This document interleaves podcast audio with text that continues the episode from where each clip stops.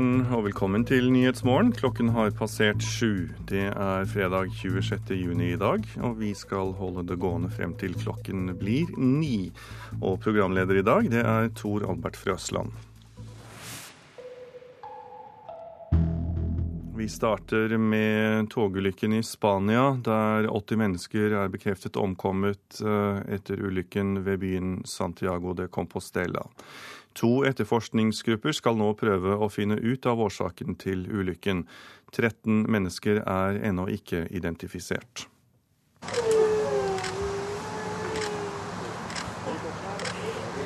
Det er utenfor det midlertidige likhuset i Santiago de Compostela familien gråter.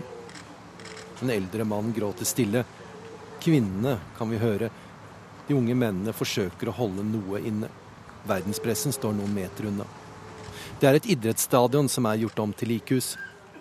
Ikke alle familiene vet ennå sikkert. De får all hjelp de trenger, skriver spansk media. Spania samler seg rundt de pårørende. Historiene fra de overlevende ryster nasjonen.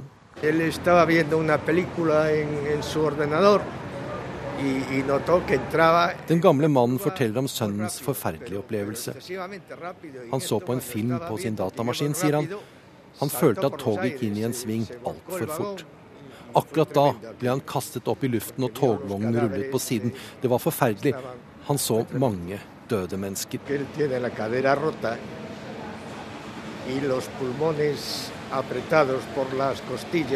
Mannen forteller at sønnen har brudd i hoften, og at lungene er delvis knust.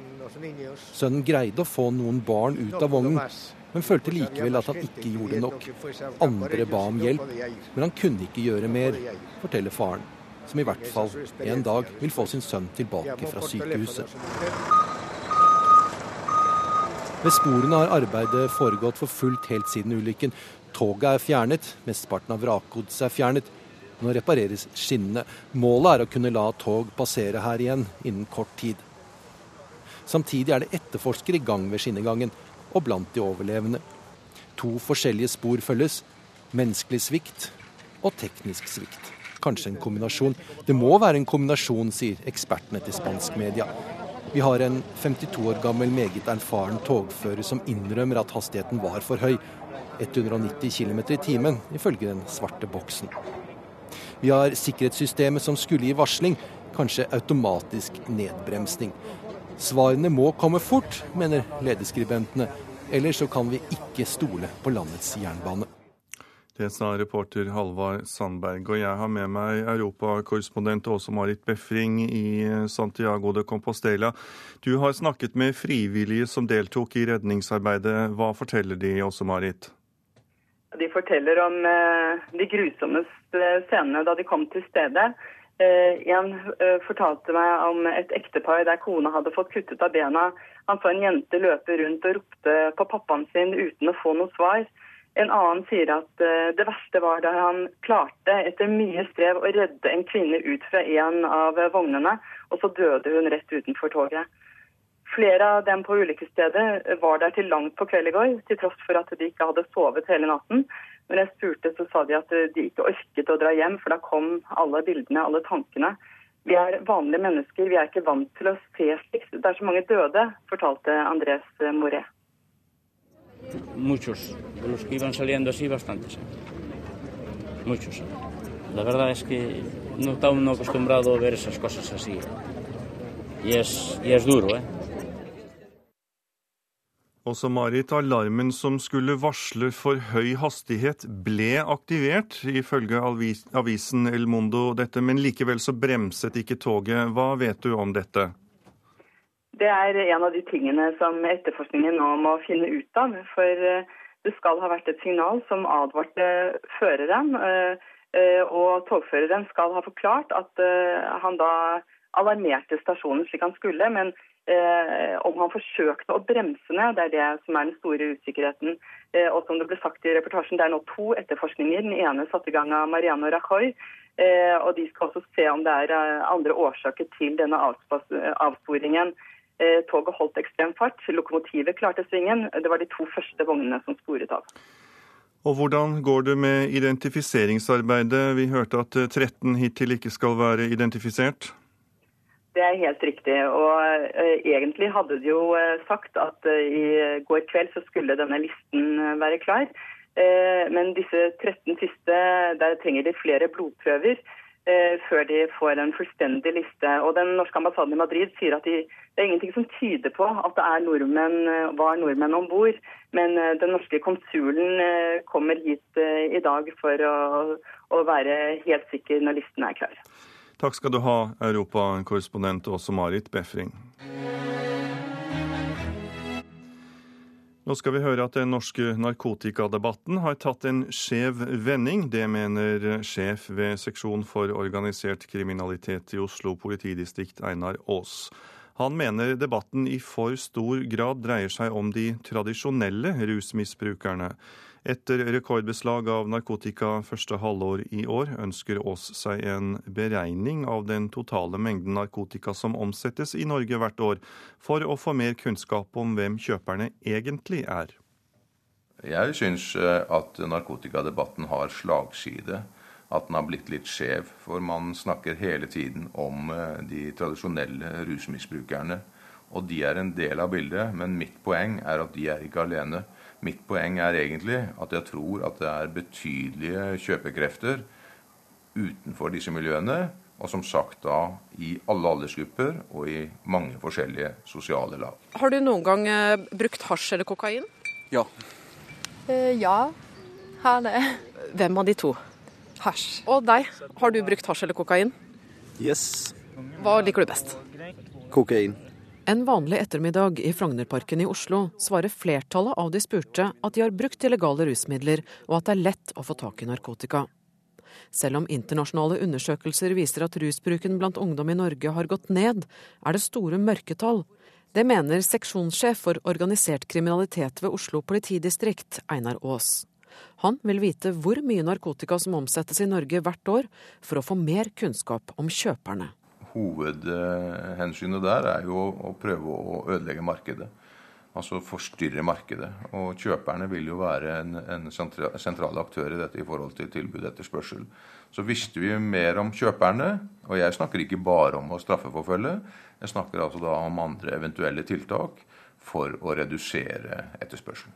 Hvert år gjennomfører Statens institutt for rusmiddelforskning, SIRUS, i samarbeid med Statistisk sentralbyrå undersøkelser om befolkningens bruk av alkohol, narkotika, legemidler og tobakk.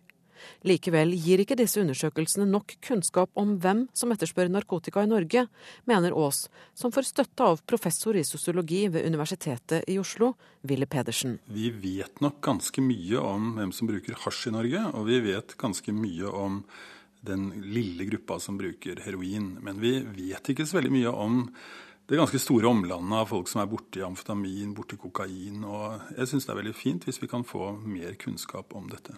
Einar Aas i Oslo-politiet mener rusbruken er langt mer utbredt enn hva folk liker å tro, og frykter at mange undervurderer den skadelige effekten av det å bruke og kjøpe narkotika. For det ene er de samfunnsskadelige konsekvensene av narkotikamisbruk, men det vi ser, det er jo eh, narkotikatrafikken, profitten, og at eh, narkotika ofte utgjør limet i tung, alvorlig kriminalitet. Reporter var Kristine Næss Larsen. Og vi hørte at Einar Aas i politiet etterlyser mer forskning, så da sier jeg velkommen til Nyhetsmorgen, Anne Line Bredtvill Jensen. Du er forskningsleder i SIRUS, og det står for Statens institutt for rusmiddelforskning. Hva tenker du om dette Aas sier om at det trolig er store mørketall når det gjelder hvor utbredt rusbruken er, og særlig da blant unge? Det er ikke så vanskelig å være uenig i det. Eh, vi har eh, dette er jo en ulovlig aktivitet, sånn at det å ha full oversikt over eh, problemomfanget her er ikke mulig i Norge eller andre land. Ja, hvorfor er det ikke det? Fordi folk ønsker ikke, når vi spør dem, eh, så er det en del som ikke ønsker å oppgi at de har brukt et ulovlig rusmiddel. Hvem, hvem, hvem er disse? Det tror vi nok er eh, folk i alle samfunnslag. Eh, og vi har en viss oversikt over eh, hvordan utviklingen har vært. Altså vi, vi, tenker at vi vet noe om trendene i rusbruken i Norge. Men vi er ikke sikre på at vi treffer akkurat når det gjelder anslagene våre for hvor mange som bruker de ulike typene av stoffer. Er det bare fordi at folk nekter, for å bruke det begrepet, da, å, å oppgi bruk av illegale rusmidler, eller er det andre ting som gjør det umulig for dere? Det er også det at vi har problemer med å nå fram til de aktuelle brukerne. Altså Av de problembrukerne så vet vi at en del av dem ikke har fast bostedsadresse f.eks., eller er å nå på telefon. Så, så, noe er det at vi ikke treffer på de vi ønsker å, å snakke med når vi har, velger dem ut systematisk. Og noe er at de ikke ønsker å svare eh, av de vi treffer. Men én ting er disse problembrukerne du nevner. En annen ting tenker jeg er såkalt partybrukere. De kan vel være lettere å nå? Ja og nei. Eh, de treffes nok på mer eh, på oppgitte adresser, men kan kanskje ha større grunn til å ikke ønske å fortelle andre om illegalt rusmiddelmisbruk. Men vet dere noe om eh, hvem som bruker stoffer som kokain, amfetamin, ecstasy, og hvilke sosiale lag og yrker disse tilhører? Vi vet noe, men ikke nok. Eh, Sirus har, eh, som andre, måttet prioritere eh, oppgavene. Så i lang tid har vi prioritert det tunge misbruket og befolkningsundersøkelser for å si noe om omfanget av bruken. Det vi har gjort nå, unnskyld, de siste årene, er å eh, fokusere noe mer på det såkalte rekreasjonsbruket, som er på en måte den gruppa du nevner. Altså de som bruker av og til, men likevel beholder jobb, går på skole, er i utdanning osv. Og, så så vi har eh, snudd fokuset noe mer mot disse. Eh, og kommer til å gjøre det mer i årene som kommer. Så vi har eh, konkrete planer om f.eks. det vi kaller utelivsstudie, som da vil oppsøke steder hvor vi tenker at disse med stor sannsynlighet vil være. Da kan det kanskje være med på å avsløre såkalte mørketall. Takk skal du ha, forskningsleder i Sirus, Anne Line Bredtvild Jensen.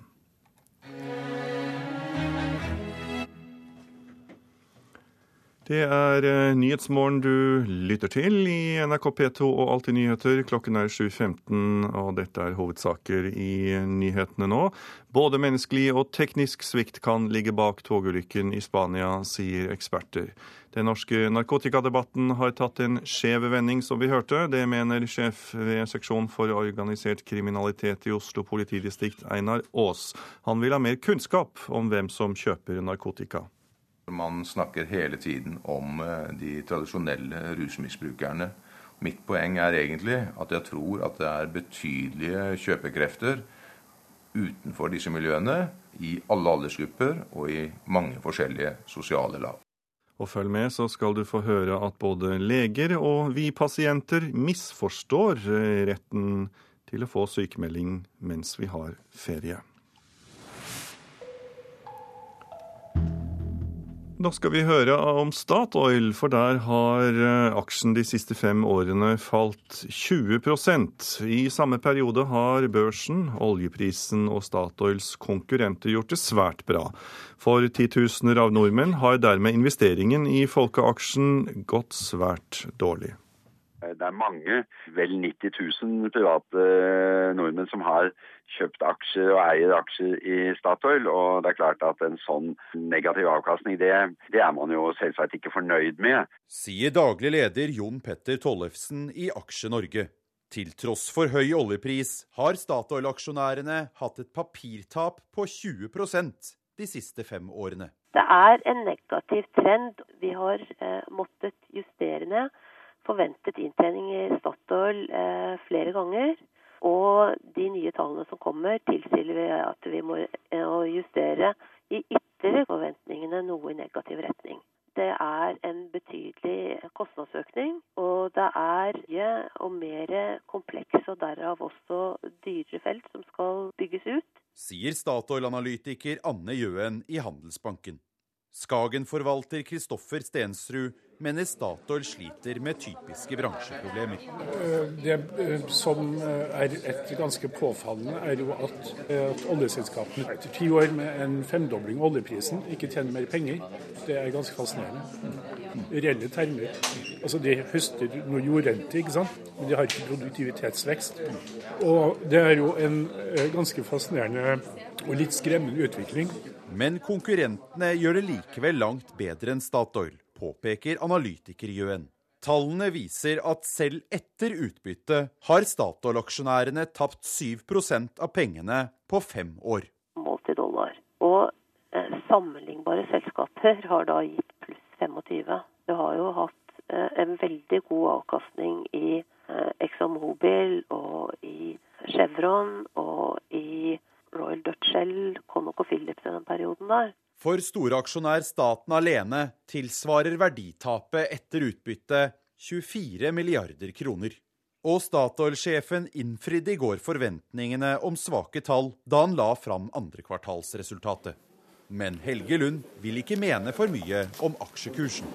Jeg vil ikke kommentere på vår eh, aksjekurs. Det som er min og vår jobb, det er å drive selskapet best mulig, forsøke å informere investorene våre best mulig, og så er det markedet selv som må bestemme eh, kursen. Men du følger vel med på eh, hva den sier? Jeg følger med på det, men det er ikke det jeg følger mest med på. Det er at vi driver på en god måte i Statoil. Reportere var Sindre Heirdal og Siv Sandvik. Og kvartalsrapporten som ble lagt frem i går, viser altså et svært svakt resultat i første halvår, 74% ned. Og jeg har fått besøk av økonomireporter Ellen Sporstøl. Hvordan skal selskapet bedre lønnsomheten? Ja, De siste månedene så har rykter svirra om at eh, Statoil vil kutte stillinger for å spare penger. Og I forrige uke så ble dette bekrefta gjennom interne Statoil-dokument som pressen fikk tak i. Det dreier seg altså om 1000 arbeidsplasser som skal flyttes da til lavkostland som Latvia og India. Uh, og Helge Lund han uh, bekrefter dette, her, men sier at det er snakk om planer enn så lenge og ingenting som er bestemt.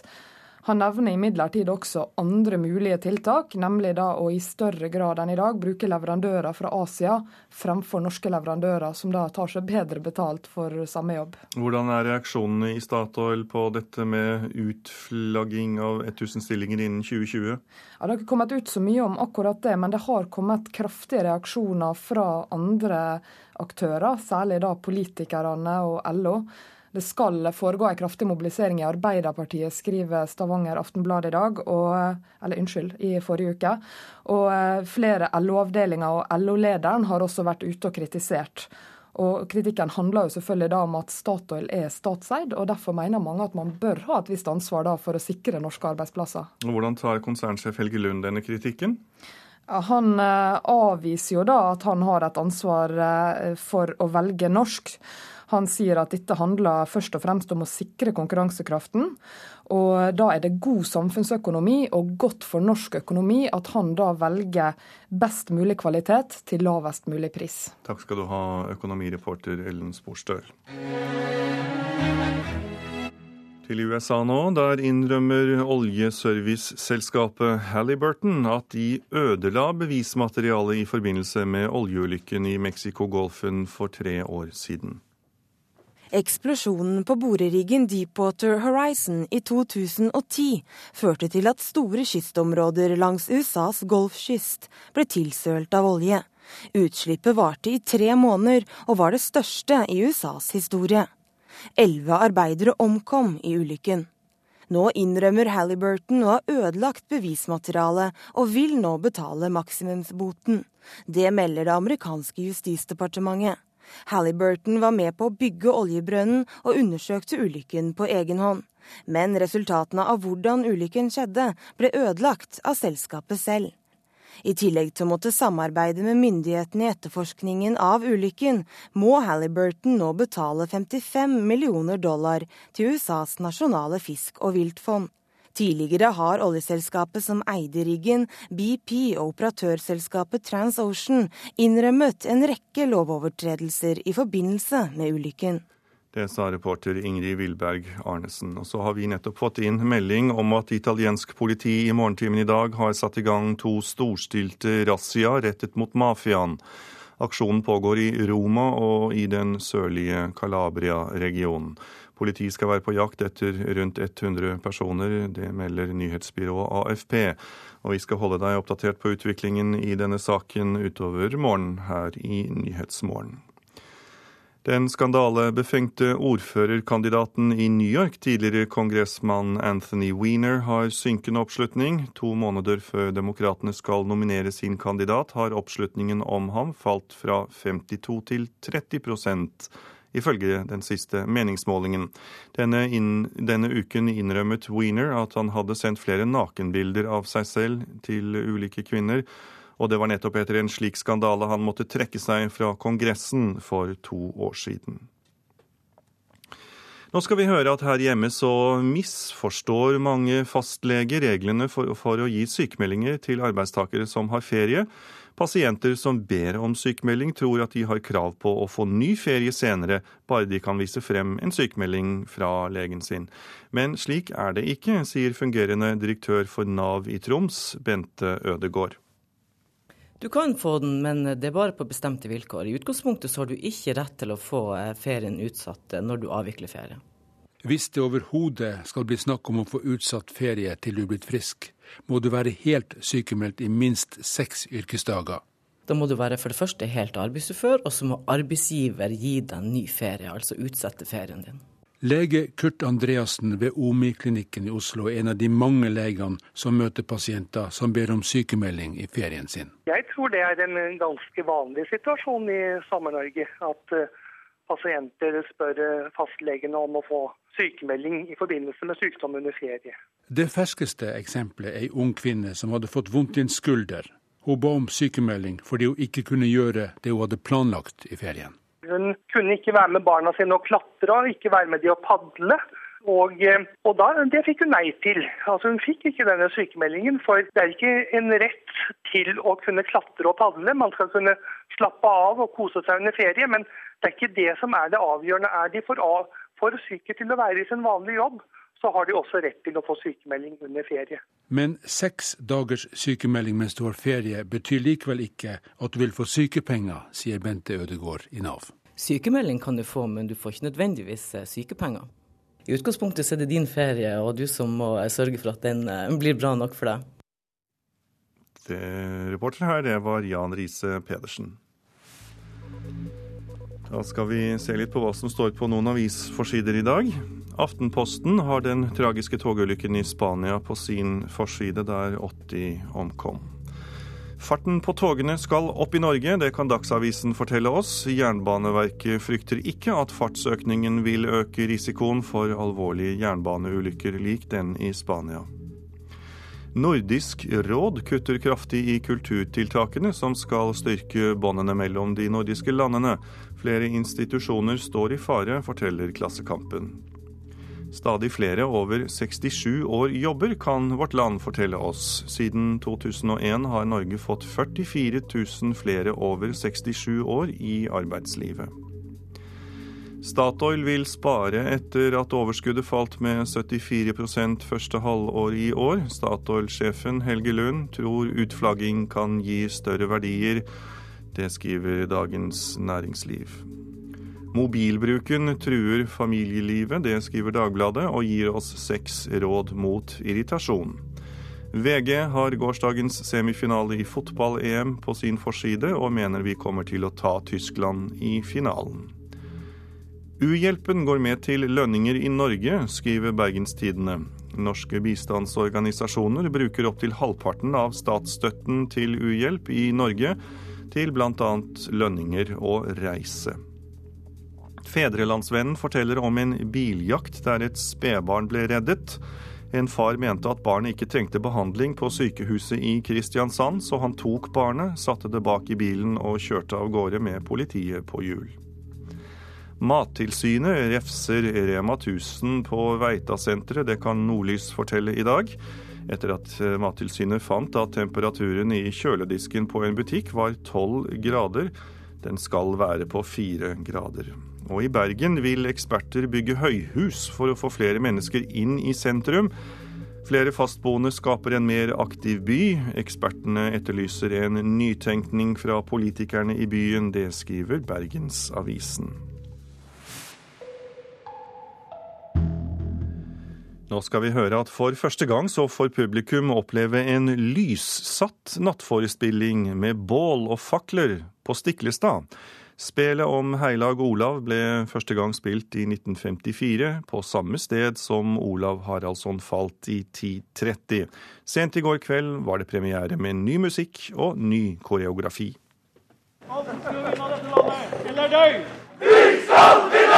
Snart 1000 år etter slaget på Stiklestad er det igjen klart for kamp mellom bondehæren og kongshæren. Det er 15 minutter til premierestart, og kongen, spilt av Henrik Mestad, forbereder sine hærmenn som er kledd i sorte kapper og utstyrt med sverd og skjold. Jeg tar hele linja. En som faller med i slaget. Da er det godt å ikke ha stelt seg slik at vi skal møte Jesus Kristus med røvergods. Eller så vinn med slaget! Ja! Oh, kjempebra.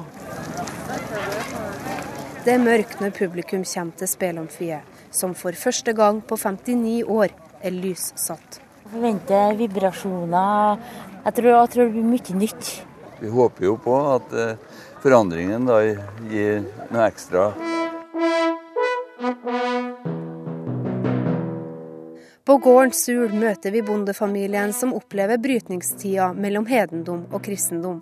Vi får et innblikk i hverdagslivet på gården. Kalv Arneson hærbur bøndene, det vet vi, ja. Mm, og etter det vi nå vet, så er det ikke for tidlig. Olav Digre skal ligge i Jamtland med mye folk. Spelet om Heilag Olav ble første gang satt opp i 1954, og forfatter er Olav Gullvåg. I år har regissør Marit Moum Aune gjort tidenes største forandring med å legge til nye scener og bruke lys og lyd som virkemiddel. Det blir mer teatralt. Altså det, det, vil si at For det første kan jeg plukke ut hovedpersoner eller folk som skal snakke mye tydeligere. Men jeg kan også lage helt andre bilder. Og dette stykket foregår på en gård, men det foregår også oppi sinnet til Olav den hellige og i, i, i tankene til ei jente som bor på den gården. Og de tankene, de abstraksjonene kan jo selvfølgelig gjøre mye lettere når det er lys.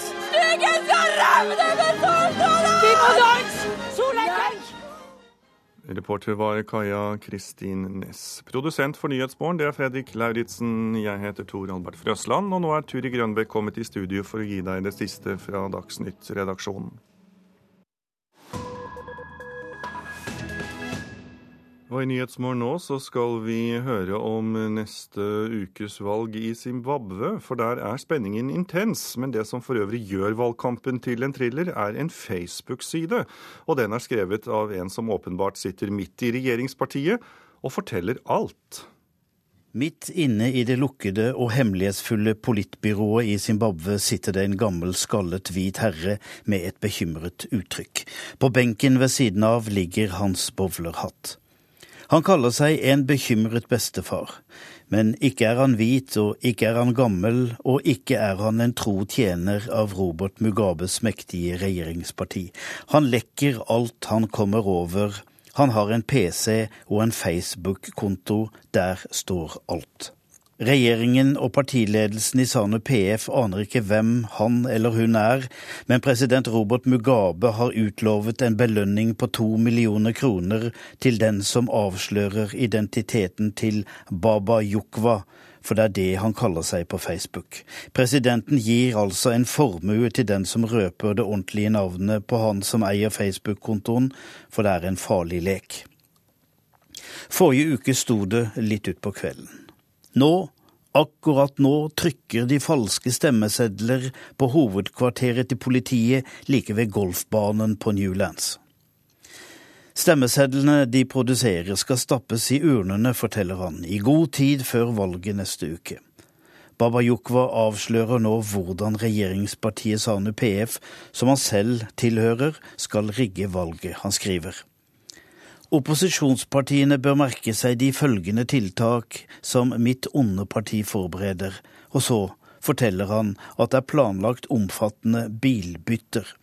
På vei til opptellingsstedene kommer lastebiler med stemmesedler til å bli byttet med andre umerkede lastebiler som har lasteplanet fullt av valgurner med garantert flertall for Mugabe i hver. Valgobservatørene bør sjekke manntallet mot valgurnene, er hans råd. I går advarte Baba Yokwo mot en Raymond Mashingura fra nabolandet Mosambik. Han jobber for det hemmelige politi CIO. Han var involvert i forsvinningen av mange folk fra Shipinge. Se opp, han er like ond som Mugabe, skriver Baba Yukwa. Det kom også en advarsel mot en annen navngitt. Han terroriserer medlemmer av opposisjonspartiet MDC og har forsøkt å ødelegge folkemøter de har tillyst. Vær vennlig og ringe ham på 0779 413 585 og be han slutte med det. For ikke lenge siden måtte politbyrået utsette sitt møte for å rådslå om hva de skulle gjøre med Baba Yukwa. Da hadde han nettopp offentliggjort navnene på medlemmer av politbyrået som hadde hiv, og som hadde smittet unge jenter. Politbyråmedlemmene hadde i tillegg betalt jentene for å holde kjeft om hvor smitten kom fra.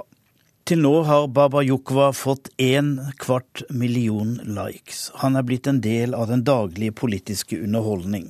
Men den gamle mannen på profilbildet er alt annet enn en moromann. Men hvem er Baba Yukwa? Språket er stundom vulgært, fordømmende og propagandistisk. Meldingene er skrevet med mangel på stor bokstav, komma og punktum.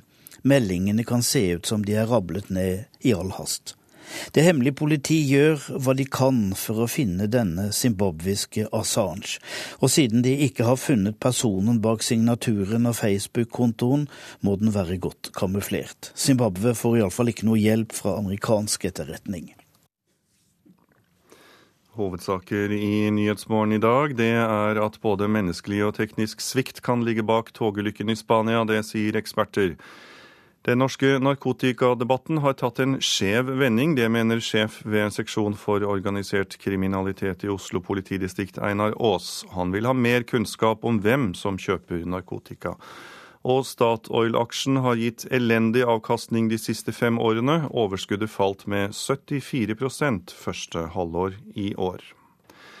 Er norske fagarbeidere i ferd med å bli fullstendig utkonkurrert av billig utenlandsk arbeidskraft? Dette blir det debatt om i Politisk kvarter, Per Arne Bjerke. Ja, de mest pessimistiske spår at det ikke vil være norske fagarbeidere igjen om fem år. Er det yrkesopplæringen som svikter, eller er norske håndverkere sjanseløse i konkurransen med østeuropeere på halv lønn?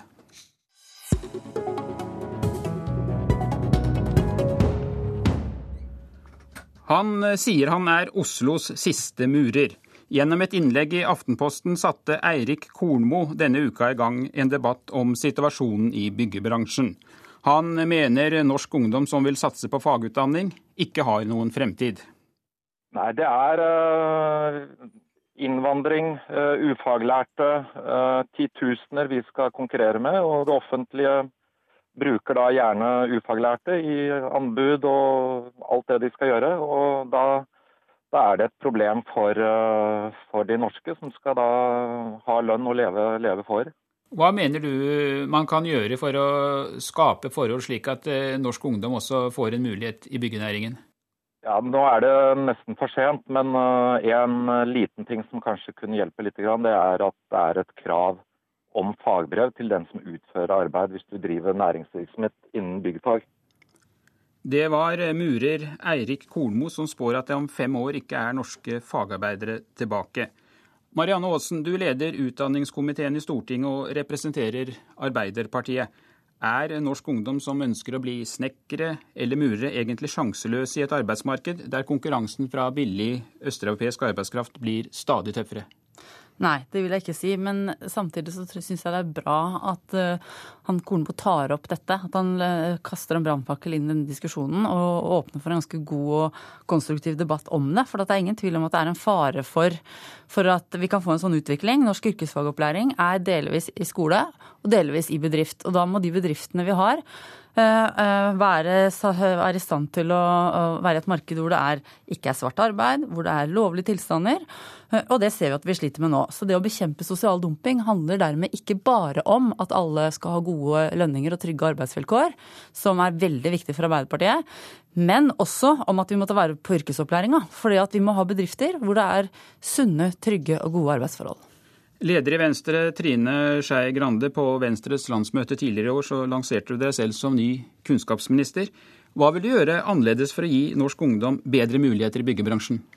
Nei, Det som vi ser nå, er egentlig følgene av eh, langsiktige politiske grep. Egentlig er det følgene av Reform 94, som, eh, der man eh, skrudde ned forventningene i forhold til yrkesfagene. Skal gjøre yrkesfagene mest mulig lik allmennfagene.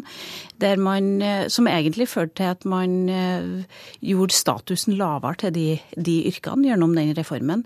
Jeg mener jo at vi må se på hvordan vi skal klare å å styrke disse, den faglige delen av disse utdanningene. Nå skjer det noen ting etter den siste stortingsmeldinga, men vi, jeg tror vi må se hvordan vi skal klare sammen med næringene å gjøre dette. For dette er jo ikke noe nytt.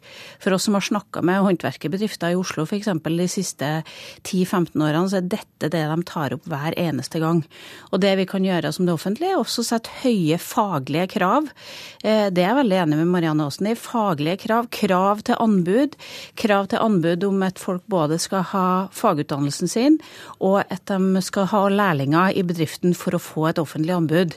Det vil, det vil også styrke dette her. Men det er ikke sånn at, at bedrifter ønsker å ha ufaglærte. De aller, aller, aller fleste ønsker å ha gode fagfolk, for det er skummelt å ha ufaglærte. Da får du gjort dårlige jobber, og det kommer tilbake på deg som en rekyl overfor bedriften din. Ja, men det er litt naivt, dette. For det, det her handler om penger. Det handler om å spare penger, og det handler om holdninger. Det er mange i Norge som åpenlyst går i, med åpne øyne inn og vil setter ut uh, jobber hvor det er svart arbeid. Det, uh, og hvor man ikke passer på, selv om det er innført solidaransvar med denne regjeringa, nemlig at, at, alle ledd nedover i kjeden med underleverandører og sånn skal ha orden i sysakene når det gjelder tariffavtaler, og når det gjelder ordna forhold på arbeidsplassen. Likevel så ser man mellom fingrene på det. Så det at vi har styrka Arbeidstilsynet er bra, men det er jo ikke nok. Her handler det om holdninger, og vi er nødt til å gjøre det enda mer. Bak, vi skal huske at Bakteppet for debatten er at vi for, prøver å løfte yrkesfag. Stortingsmeldingen før sommeren eh, var eh, bakgrunnen for det, og han er veldig fornøyd Kosmo, om at eh, Kristin Halvorsen og vi har klart å mobilisere folk inn i yrkesfag. Men han er opptatt av hva skjer etterpå, nemlig hvordan er det i arbeidslivet. Og det er der han angriper på en måte som Venstre ikke bør være veldig stolt av, for dere har ikke vært veldig toneangivende når det gjelder å bekjempe sosial dumping i Norge. Dere har stemt imot mange av de forslagene vi har til, levert i Stortinget alle de tre handlingsplanene har dere vært kritiske til. Ja, ja, det Er eh, problemene egentlig det forholdene i byggebransjen mer enn mangelen på fagopplæring? Ja, For det første er det feil det Marianne Aasen sier, at vi ikke har vært opptatt av sosial dumping. Vi har derimot fremma ganske mange forslag. Vi har også fremma forslag om minstelønn, som ville ha vært veldig effektivt tiltak i forhold til sosial dumping, som regjeringa har vært veldig imot. Men, og det er jo ikke sånn at, eh, at det er utenlandske arbeidere som har ført svart arbeid inn i norsk håndverksbransje. Det, det, tror jeg kanskje vi må innrømme at den, det har alltid vært en del av det. Men jeg tror faktisk at den, mindre, den svarte delen blir stadig vekk mindre. Fordi at folk har en interesse av å ha ordentlige papirer, f.eks. på oppussinga i, i, sitt eget hjem. Men det er tilgangen på gode fagfolk disse bedriftene snakker om. De vil ha gode fagfolk som gjør en god jobb. Og, og det er jo ikke sånn at når du er utlending, så er du ufaglært i utgangspunktet. Folk henter inn polakker og andre fordi at det er gode fagfolk. Mm. Jeg kan fortelle sjøl at jeg har prøvd å rekonstruere rekonstruere en gammel 1880-leilighet som jeg bor i. Da må jeg f.eks. ha gipsmakere. Og da hadde jeg fire gipsmakere inne i min stue. Det var en tysker, en russer, en bosnier og en svenske. Det var det som skulle til, for nordmenn har nesten ikke kompetanse på den type fagfelt. Grip fatt i det, sier en gode fagfolk. for Hvis du hører Kolmo her, så sier han det at eh, han er en siste murer. Samtidig så finnes det altså nesten ikke eh, utenlandske elektrikere, fordi det her stilles meget strenge krav til kompetanse og sikkerhet. Hvorfor kan dere ikke innføre lignende krav når det gjelder andre byggfag, som det dere har når det gjelder elektrikerne? Marianne Aasen? Jeg mener at denne sommersdebatt uh, bør lede inn til en diskusjon rundt akkurat det. Om vi skal styrke kompetansen. fordi at vi, nå, Det er en sånn situasjon at du kan på papiret ha en fagarbeider som sitter og, og er i navnet har fagutdanning på plass, og som sender ut ufaglærte til å gjøre jobben ute på byggeplassen. Og det er det blitt såpass mye av at det blir et problem. og Det er derfor eh, det, dette, denne beskrivelsen av hvordan det er i byggebransjen nå kommer opp viktig å få med til slutt, det er det at fagarbeidere er mye mer enn bare byggenæringa. Norske fagarbeidere i norsk industri gjør en fremragende jobb, og der er det store framtidsmuligheter. Jeg er veldig glad for at vi har nå fått løfta yrkesfag, og, men vi er nødt til å ta på alvor det som nå skjer i byggebransjen, som gjør at vi kan utradere den Eh, nemlig lærlinge, altså lærlingordninga og læreplassene og lærebedriftene. Det er dette det er en trussel mot, den sosiale dumpinga som foregår. Det som er viktig, tror jeg, er å øke statusen i forhold til yrkesfagene. Si at dette er et annet løp enn det boklige løpet, eh, som vi i dag har prøvd å få yrkesfagene til å ligne. Sånn at vi må øke statusen til fag, fagarbeid og respekten for det å kunne et fag. Men hvordan kan egentlig økt status løse dette problemet, så lenge da en østeuropeer gjør jobben til en tredel av prisen? Og folk flest vil jo gjerne ha gjort jobben billigst mulig. Ja, Folk vil både ha gjort jobben billigst mulig, men de vil også ha gjort jobben skikkelig. Det er veldig dumt å leie noen ufaglærte til å pusse opp badet ditt, og det fører til at du må pusse opp badet ditt to år igjen etterpå fordi at alt faktisk er ødelagt. Her må vi sørge for å ha både store krav, men også krav i forhold til, til faglighet. For jeg tror det er fagene som kommer til å stå seg over tid. Det er det å kunne et fag som vi må øke statusen til. Og du kan også en, du kan ha en god inntekt gjennom livet hvis du er en skikkelig god fagarbeider. Ja, Men når det er virkeligheten er sånn Trine Skei Grande. Senest denne uka så ble det avslørt at Sara, butikken i Oslo, pusses opp med slavekontrakter, de som jobber der, som ikke snakker norsk i det hele tatt, og ikke har fagbrev overhodet. For å spare penger i konserner som, som, tjener veldig mye penger. Så dette er et kjempestort problem som må løses med, når det gjelder sosial dumping, som må løses med tre viktige ting. Godt lovverk, det har Arbeiderpartiet fått på plass. Vi kan skjerpe det ytterligere i neste fireårsperiode. Loven skal følges, altså vi må ha tilsyn med politi og arbeidstilsyn. Nok penger til dem. Og så må vi ha holdninger både hos private, som Trine snakker om, altså pusse opp badet sitt og sånn, men også hos de som byggherrene, offentlige og private, som bygger store bygg. De må passe på at de har ansvar nedover hele kjeden på alle de ansatte. Det fins drittsekker i alle systemer, eh, og det gjelder å ta dem. Og det er jeg helt Men vil dere da sette inn flere kontrolltiltak for å ta ja, disse drittsekkene som tar Vi er jo enig i veldig mange av disse kontrolltiltakene, og det, vi kommer alltid til å finne noen som utnytter systemene, og noen som er drittsekker i systemet, og dem skal vi absolutt ta. Men det, men det store grosset av folk er jo dem som ønsker å få gjort en jobb skikkelig og ordentlig. Da må du ha ordentlige fagfolk, og det er gjennom fagkravene vi skal øke statusen til disse yrkene, ikke gjennom tilsyn. Jeg tror at det er gjennom å gjøre, sette store krav til til hvilke, hvordan som skal til for å kunne gjøre yrkesjobber i Norge. Det vil jeg gjerne med Arbeiderpartiet for å få til gjort, men du må også styrke kravene til utdanning. Dette har, altså hvis du snakker om virkeligheten, hvis du snakker med disse firmaene, dette har de etterspurt i tiår etter tiår. Gode fagfolk ut av skolen, gode lærlinger som kommer inn i systemet. Det har de ikke ja. følt at de har fått, det må vi gi dem. Du sitter jo med et ansvar, Marianne Aasen, dere har hatt makta i åtte år nå? Ja, altså vi, ja absolutt. Derfor har vi løfta yrkesfag. Det er noe av det siste vi gjorde nå med stor og viktig stortingsmelding. Men det som også er venstrelig er at vi har dyktige fagforeningsfolk ute på hver eneste arbeidsplass. Derfor må fagbevegelsen også få veldig gode arbeidsvilkår, bl.a. gjennom at de kan melde fra om dette, nedstemt av Venstre. Takk skal dere ha, Marianne Aasen og Trine Skei Grande.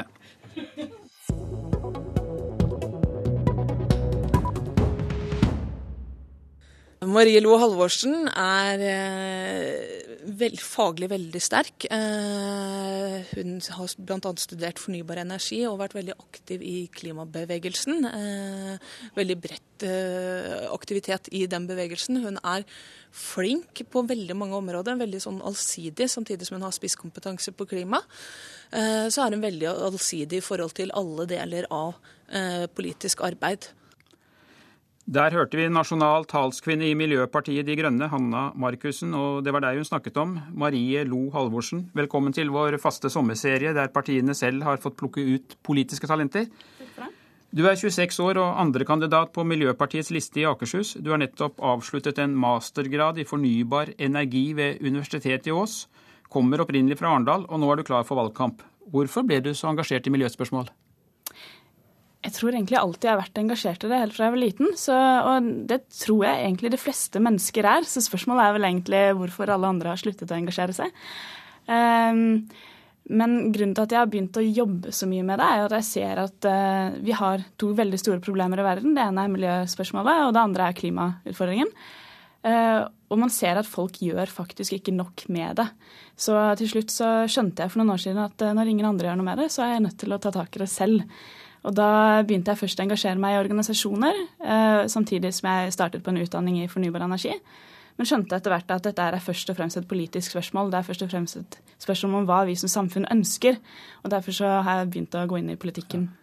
Nå hørte vi Hanna Markussen fortelle hvor faglig sterk du er. Og, men hva tror du moren din vil si om det? det er et veldig vanskelig spørsmål. Men eh, Jeg tror i hvert fall Det hun alltid har sagt om meg, er at jeg kommer til å bli politiker. Og det har jeg vært veldig uenig i, og tenkt at det er det siste jeg i hvert fall skal gjøre.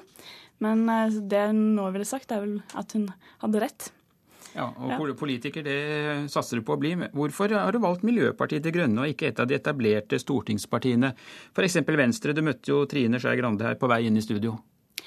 Det er fordi at eh, jeg opplever at de partiene tenker på miljø som én av mange saker. Mens Miljøpartiet De Grønne ser at uh, miljø- og klimaspørsmålet er et spørsmål om vårt livsgrunnlag. Det er noe vi er nødt til å ta med oss i alle politiske saker. Uh, på samme måte som uh, du kan ikke si at Høyre er et ensaksparti fordi de er opptatt av økonomi. Dette er helt grunnleggende, grunnleggende saker i all politikk. Og den oppfatningen føler jeg at Miljøpartiet De Grønne som har. Men Hvilken påvirkningskraft tror du at du får på samfunnsutviklingen gjennom et tross alt såpass lite parti som Miljøpartiet De Grønne? Men nå er jo vi et parti som vokser veldig fort, da, så det er tydelig at vi er eh, del av en bevegelse og noe er, folk har ventet på i Norge. Vi vokser jo i eh, veldig mange land og har begynt å bli store og, og få eh, mulighet for å være med å bestemme. Så jeg tror dette er bare et tidsspørsmål, og jeg har mer lyst til å hjelpe frem et nytt parti som jeg ser at vi trenger på Stortinget. Ja, Det er jo lov å være optimistisk. Hvor mange representanter tror du Miljøpartiet vil få inn på Stortinget? Jeg håper jo at vi kommer over sperregrensa, da. Så da er det vel snakk om mellom seks og ti representanter. Blir da du, begynner det å bli spennende. Blir du veldig skuffet dersom dere ikke kommer inn i det hele tatt, eller kanskje bare får én representant? Jeg tror det viktigste er den bevegelsen vi har satt i gang nå. Eh, vi har så mange frivillige som jobber med Miljøpartiet De Grønne, og det er, det er, en stor bevegelse på gang. Og det er som jeg sa, bare et tidsspørsmål om når vi kommer inn. Så om vi kommer inn nå med én eller mange, eller om vi ikke kommer inn i det hele tatt, så vil vi eh, fortsette denne bevegelsen og jobbe videre med det.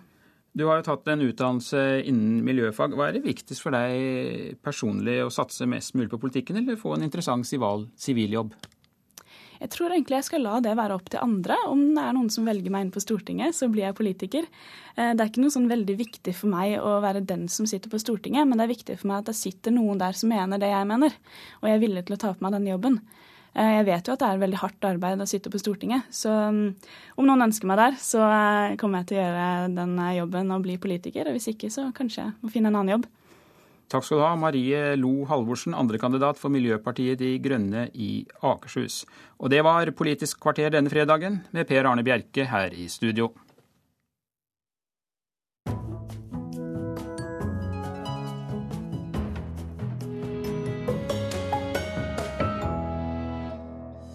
Nesten 4500 så premieren på Spelet om Heilag Olav på Stiklestad i natt, som for første gang ble vist som en lyssatt nattforestilling. Ingrid Espelid Hovig beklager at aviser kutter ut egne matskribenter og savner en norsk Jamie Oliver på NRK. Detroit i USA kan bli tvunget til å selge museets kunstsamling. Kreditorene til konkursbyen har allerede bedt om verdivurdering. Og det tok tid, men mot slutten av konserten viste Rihanna endelig at hun hadde fortjent et utsolgt hus i Bærum i går, sier vår anmelder senere her i Kulturnytt. Som du hører i P2s Nyhetsmorgen med Ugo Fermariello i studio. Norges største utendørsteater, Spel om Heilag Olav på Stiklestad, har eh, gått gjennom sin største forvandling hittil. Det er nye scener, ny musikk og ny koreograf i stykket, som for første gang spilles altså om natten, på stedet der orda Olav Haraldsson falt i 1030.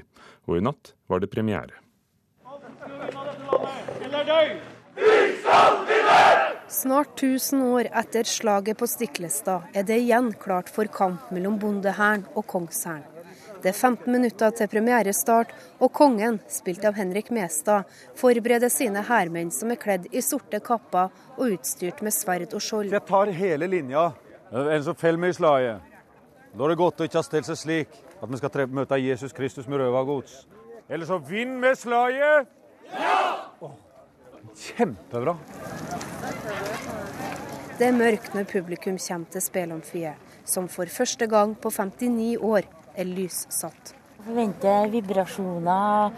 Jeg tror, jeg tror, det blir mye nytt. Vi håper jo på at eh, forandringen da gir noe ekstra. På gården Sul møter vi bondefamilien som opplever brytningstida mellom hedendom og kristendom. Vi får et innblikk i hverdagslivet på gården. Kalv Arneson her bor bøndene, det vet vi, ja. Mm, og etter det vi nå vet, så er det ikke for tidlig. Olav Digre skal ligge i Jamtland med mye folk. Spelet om Heilag Olav ble første gang satt opp i 1954, og forfatter er Olav Gullvåg. I år har regissør Marit Moen Aune gjort tidenes største forandring med å legge til nye scener og bruke lys og lyd som virkemiddel. Det blir mer teatralt. Altså det, det, vil si at For det første kan jeg plukke ut hovedpersoner eller folk som skal snakke mye tydeligere. Men jeg kan også lage helt andre bilder. Og Dette stykket foregår på en gård, men det foregår også oppi sinnet til Olav den hellige og i, i, i tankene til ei jente som bor på den gården. Og de tankene, de abstraksjonene kan jo selvfølgelig gjøre mye lettere når det er lys. Vi må danse solnedgang! Vi må danse solnedgang! Og vi greier også å forflytte oss fra slaget som foregikk her, akkurat her hvor vi står nå, til gården på Sul som foregikk ved svenskegrensa. Mye mer effektivt når vi har lys. Aldri før har vi sett selve slaget på Stiklestad utspille seg på scenen.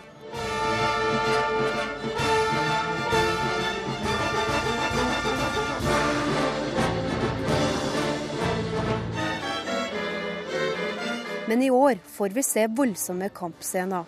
Originalmusikken er skrevet av Paul Okkenhaug, men når nye scener er lagt til, må også musikken forandres, sier dirigent Ole Christian Ruud.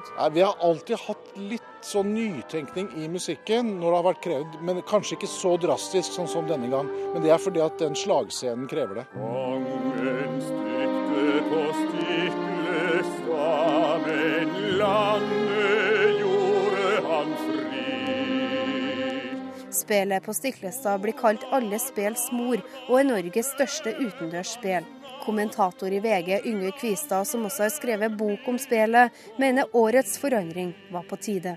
Det var viktig at det skjedde noe nytt nå, som virkelig var, var noe nytt. Og det, det, er det jo definitivt. Så er det nettopp dette at spillet har blitt tilført nye elementer hele tida, som har gjort at det, det har levd og, og, og, og levd godt. Da. Han var en heilag mann.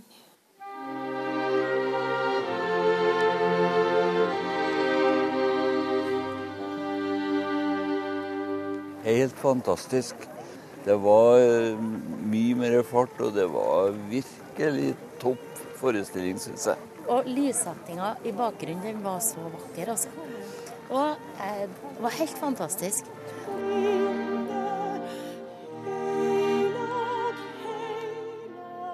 Fra premieren i natt, hvor vi også hørte fornøyde publikummere på Stiklestad, reporter Kaja Kristin Næss.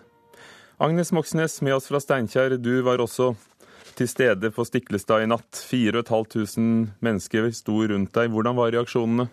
Ja, De gikk altså rett opp i stående applaus, hele det store amfiet med 4500 mennesker. Og da gikk ut i går, og da gikk vi liksom gjennom et fakkel en gjeng av soldater som sto med faklene og holdt ved eh, siden av veien vi gikk på. og Da hørte jeg ingen som sa at dette spillet var bedre i fjor, nei. For deg som har sett eh, nettopp spillet mange ganger, hva, hva, slo deg med forandringene? Nei, Først og fremst dette at forventningene var så store til det som skulle skje. At det er et spel som har liksom nesten repetert seg selv, åpnet på samme tidspunkt hver eneste ettermiddag i Olsok-tida. Og plutselig så er det klokka elleve om kvelden når, når sommermørket og tussmørket kommer, at man setter seg ned på denne voldsomme scenen der jo dette slaget faktisk foregikk for snart 1000 år siden. Og når, du, når dette tussmørket da opplyser, blir lyst opp på en svært bevisst og, og kyndig måte, så, så, skjer det rett og slett magiske ting i møtet mellom publikum og, og scenen. En ekstra dimensjon? Ja, helt eh, klart en ekstra dimensjon. Og, og, det man kan gjøre da, er jo at man kan For selve det som foregår, foregår på en gård som er et stykke unna Stiklestad. Og når slaget foregår, så lyses liksom eh, skogen opp eh, i bakgrunnen. Og da med, altså går nesten i blodrødt etter hvert som slaget skrider frem. Sånn at det er som om hele verden er med på scenen på, på Stiklestad utpå natta her. Og stykket heter jo 'Natterast på sul'. Ja, det het opprinnelig det. Men Hvorfor har det ikke vært gjort før dette? om Nei, det kan du si. Eh, nå er det jo blitt veldig hva skal vi si, eh, et- en ting i tiden at man spiller eh, mange flere forestillinger på natta. At det gir en, et ekstra trøkk til oppsetningen. Folk liker å samles på et uvanlig tidspunkt.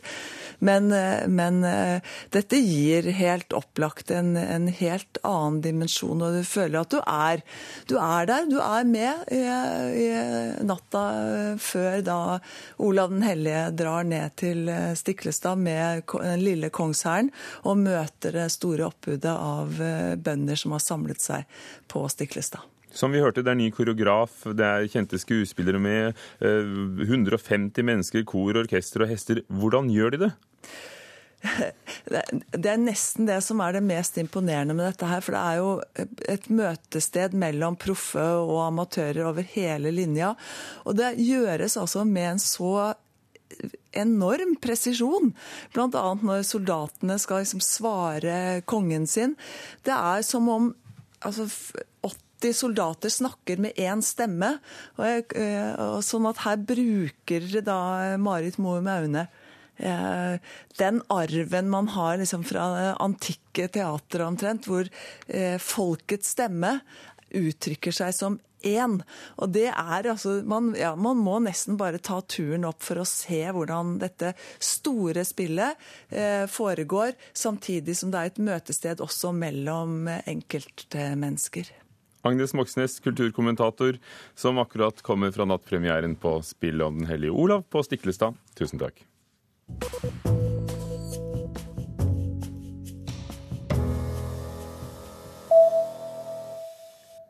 Økokrim innfører et registreringssystem for å lettere kunne spore stjålne kunst- og kulturgjenstander. Økokrim opplyser til Aftenposten at det ikke er snakk om et sentralt register, men et system som gjør det enkelt for samlere å registrere nøkkelopplysninger om gjenstandene. Det skal gjøre det også enklere å lete etter kunst som blir borte. Nordisk råd skal kutte 5% i budsjettet, noe som får konsekvenser for kultursamarbeid i Norden. Ifølge Klassekampen fører budsjettkuttet til at samarbeid mellom forfatter og kritikere trappes ned, mens journalister og akademikere mister pengestøtte. Høyres Olemic Thommessen leder kultur- og utdanningsutvalget i Nordisk råd. Han er kritisk til kuttplanen og sier det dreier seg om prioriteringer. Budsjettet skal vedtas i oktober. Og magasinet Mann dropper forsidepikene og legger om profilen. Mandag kommer den nye utgaven av bladet, og da med Aksel Lund Svindal på forsiden.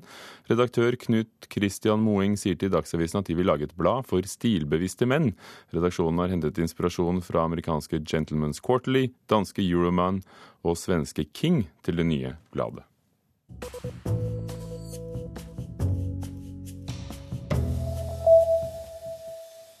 Ingrid Espelid Hovig, fjernsynskokk og kokebokforfatter, beklager at profilerte matskribenter fjernes fra avisspaltene i Aftenposten og Stavanger Aftenblad. Hun etterlyser også det hun kaller en norsk Jamie Oliver på NRK. Norsk matkultur taper på utviklingen, mener matelskerne, som nå er samlet til festival i Stavanger.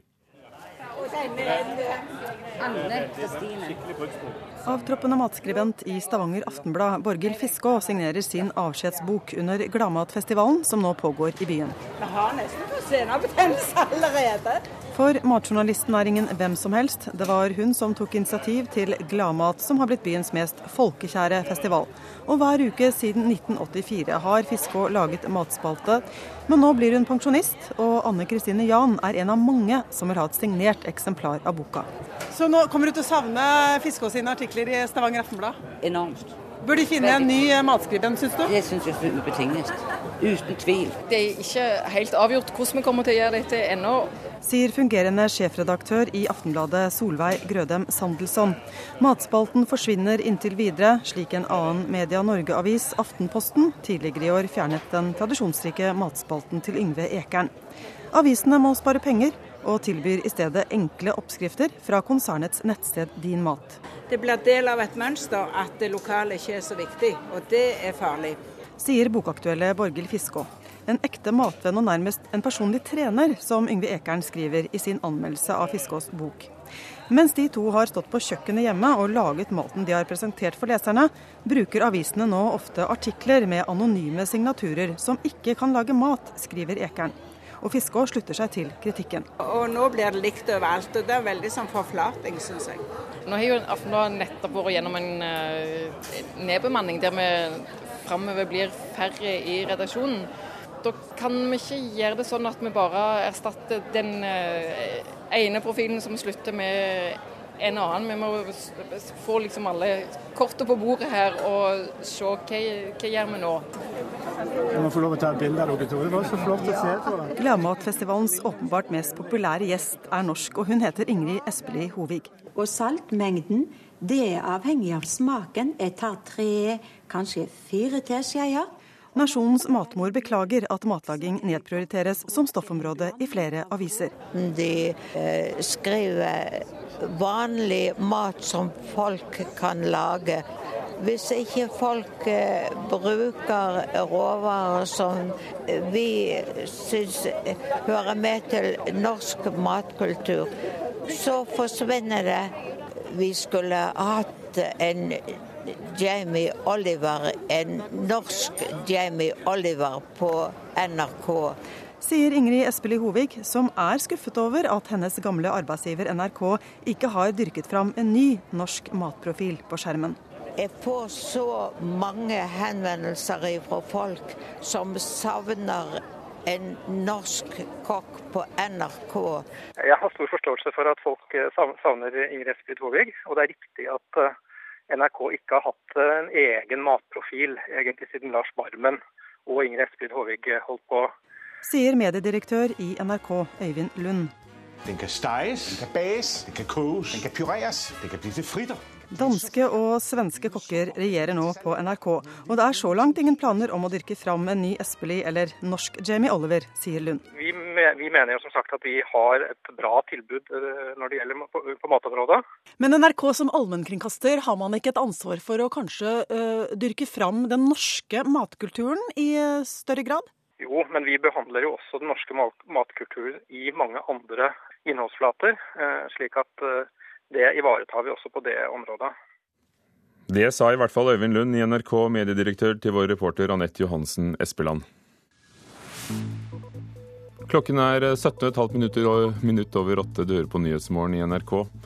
To ulike etterforskningsgrupper skal finne årsaken til togkatastrofen i Spania. Samtidig forteller folk som kom til, om forferdelige scener.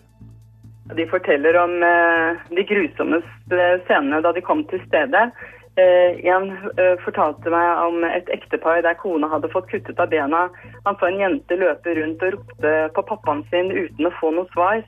En annen sier at eh, det verste var da han klarte etter mye strev å redde en kvinne ut fra en av vognene, og så døde hun rett utenfor toget. Europakorrespondent Åse Marit Befring. Det er svært vanskelig å få nøyaktige tall på hvem som bruker narkotika og hvor mye. Det kan være store mørketall.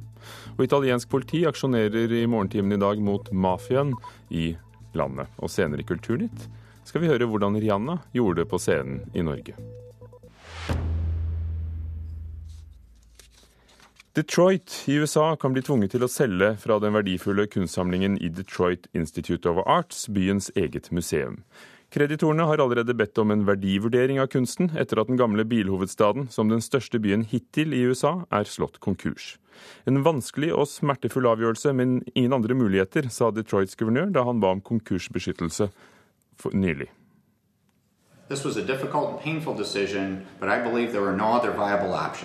Guvernør Rick Snyder var brutalt ærlig da han nylig forklarte bakgrunnen for at den amerikanske storbyen Detroit nå slås konkurs. Detroit's broke. Detroit er blakk etter å ha slitt med økonomien og fraflytting i flere tiår. Ifølge avisa Business Insider skal byens gjeld i dag være på ca. 130 milliarder kroner. En vanskelig situasjon for byen som i en OL-søknad fra 1968 skrøt av både å være verdens bilhovedstad og ha et av verdens fineste museum. Detroit, the world's automobile capital. The Detroit Institute of Arts houses many of the world's most famous paintings and sculpture. Nå har flere kreditorer bedt om en taksering av museet Detroit Institute of Arts' eksklusive kunstsamling på over 60 000 verk. Det har skapt store bekymringer i kunstmiljøet verden over om et nært forestående salg av museumets verdifulle kunstverk av bl.a. Picasso, Rembrandt, Monet og van Gogh. Amerikanske kunsteksperter anslår at de 38 mest kjente verkene har en verdi på om lag 15 milliarder kroner. Omtrent 10% av byens gjeld. Jeg syns jo det er veldig spesielt da, at man eh, er kommet så langt. Også i Norge vekker situasjonen oppsikt. Knut Forsberg, som er direktør for Blomkvist kunsthandel i Oslo, er sikker på at et eventuelt salg av museumets kunst vil skape reaksjoner. Å begynne å selge ut kunstsamlingen syns jeg er en prinsipielt dårlig idé, som vi ikke syns noe særlig om kunstverden vil være litt sånn forferdelse at man faktisk har muligheter for å løse opp et museum og selge ut samlingen. Det, det blir den største reaksjonen. Er det sjelden at et museum går ut og, begynner å selge vekk kunst? Det skjer nesten aldri, og ikke offentlige museer. De har stort sett ikke lov å, å selge. I Norge er det jo det, de har ikke lov å selge. Forsberg tror det kan finnes potensielle kjøpere i Norge som nå kan være interessert i å sikre seg verk som selvportrett av van Gogh og bryllupsdansen av Peter Brygel. Det er noen tunge norske kjøpere som absolutt burde følge med hvis det kommer ut for salg. Forsberg trekker bl.a. fram oljefondet som en mulig kjøper. Det samme gjør direktør for kunstmuseene i Bergen, Erlend Høiersten. Det er jo klart at eh, Hadde oljefondet gått inn her og eh, gjort noen solide investeringer, så hadde det vært et fantastisk løft for de fleste norske museer. Men NRK har vært i kontakt med Finansdepartementet, som forvalter oljefondet, og de viser til tidligere svar om at en satsing på kunst er sett på som usikker. Høyersten kan fortelle om land i Europa som har angra på innkjøp, og ser for seg at det som nå skjer i Detroit, også kan skje i Europa. Nå har jo man eh, i Holland solgt unna noe, nettopp fordi at man så for seg at dette var ikke verk som verken var historisk viktige eller ikke ville bli vist i museer. Men du skal ikke se vekk ifra at det kommer den type ønsker. Og dessverre så er det ofte slik at kulturinstitusjoner og kulturfelt er ofte det som fortest merker krisesituasjonene. Og om Bergen kunstmuseum ikke får hjelp fra f.eks. oljefondet, blir det nok vanskelig å sikre seg store verk hvis det blir salg i Detroit. Kode kunne alltid trengt noen eh, internasjonale modernister, og eh, det hadde vært fantastisk å kunne få tilgang på noen verk av denne typen. Gjør Bergen kunstmuseum et framstøt om sjansen byr seg? Vi er dessverre ikke i den divisjonen. Dessverre. Det sa direktør i Kode kunstmuseum i Bergen til vår reporter Martin Hotvedt. Og for å se Detroit Institute of Arts-museet i bilbyen i USA, så kan du gå inn på nrk.no kultur på internett. Der ligger bildene.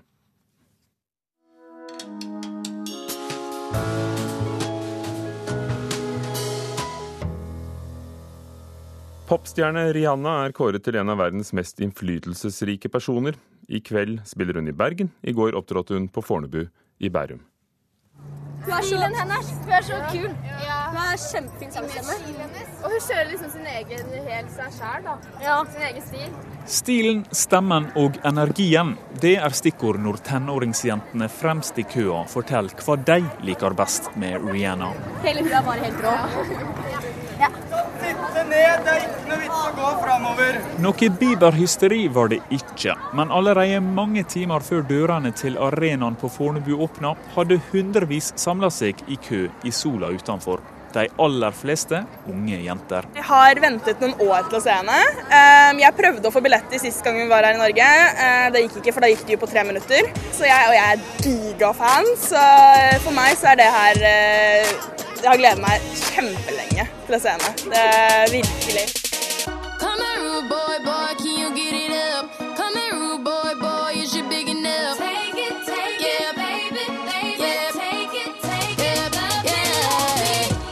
Siden debuten i 2005 har Rihanna gitt ut sju album, som samla har solgt over 100 millioner. Bare i fjor tjente hun godt og vel 300 millioner kroner. Og Times Magazine hadde 25-åringen fra Barbados på si liste over de 100 viktigste menneskene i verden. Så jobben med Rihanna har for oss vært et eventyr, det.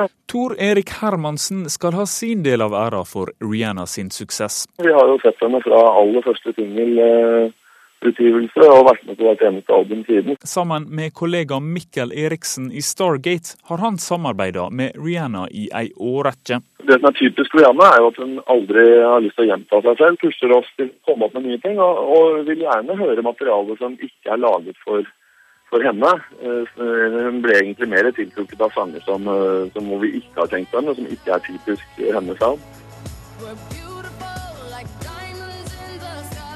Omkring ti av låtene Rihanna nå spiller på turneen sin, er skrivne av Stargate. Blant de Only Girl in the World, Rude Boy, og Diamonds. Shine bright like a diamond. Shine bright like a diamond. Shine bright like a diamond. Beautiful like diamonds in the sky. Å se henne i person og liksom se showet som er Rihanna. Uh, og bare se liksom attituden bare bang, på en måte. Det gleder jeg meg til. Reporter Sondre Bjørdal traff publikum og snakket med Stargate-produsenten eh, i går. Og Trine Åndal, du var eh, på konserten på arenaen på Fornebu. Du er musikkanmelder i P3. Eh, hun lot vente på seg tre kvarter. Var det verdt det? Ja, altså ut fra hva man kunne forvente av ventetid, så er jo tre kvarter nesten ingenting som ingenting å regne. Rihanna kom på scenen litt før klokka ti, og det tok jo liksom Publikum tok av med en gang hun viste seg, men begynnelsen på showet var ganske slapp. Hun begynte med en rolig ballade, satt på kne på scenen, og det skulle være veldig sånn storslått og eh, episk, men det falt litt gjennom. Og deretter så måtte hun gjennom en ganske mange låter som var litt sånn litt klønete dansing, litt dårlig synging på den partien der hun faktisk ikke bruker playback. Og det tok en stund før det skulle ta av. Eh, det som blir veldig tydelig når man ser Rihanna live, er at det er de her sterke, gode og gjennomførte poplåtene hennes som har vært store hits, som funker best. Det er også hennes sterkeste kort, er jo at hun har såpass gode låter som i en god liveproduksjon på en måte setter fyr på publikum uansett, og som hun er med å piske opp stemninga på og innimellom synge litt live, danse.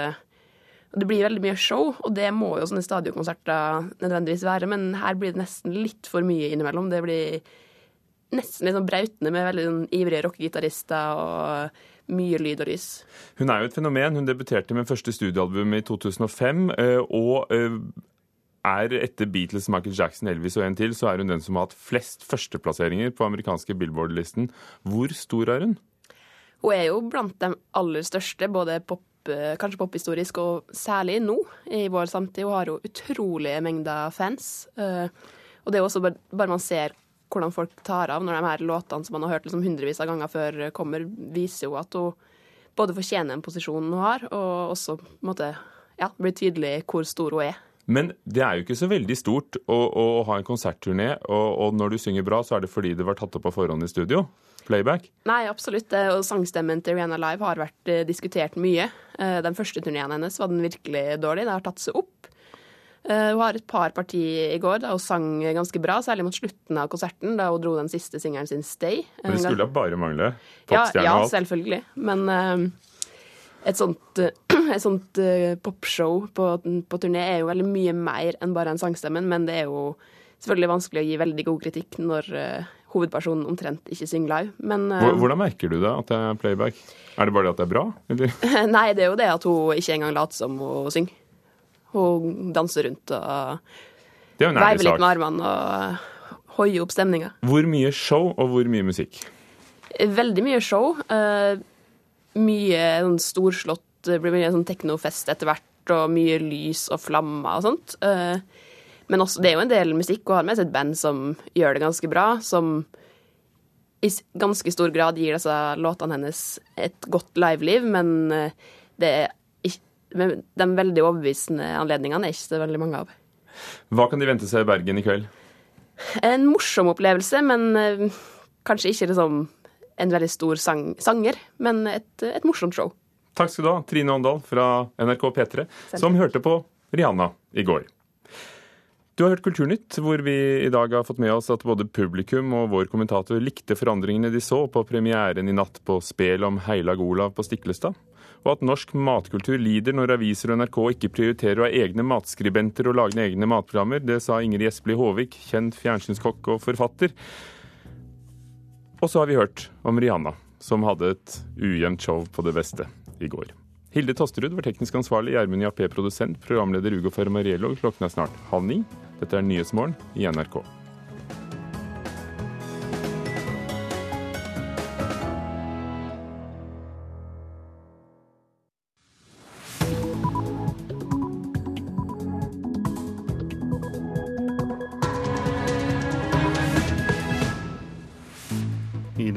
Neste halve timen frem mot klokken ni her i Nyhetsmorgen så skal du bl.a. få høre mer om at i Italia har politiet gjennomført to store aksjoner mot mafiamiljøet.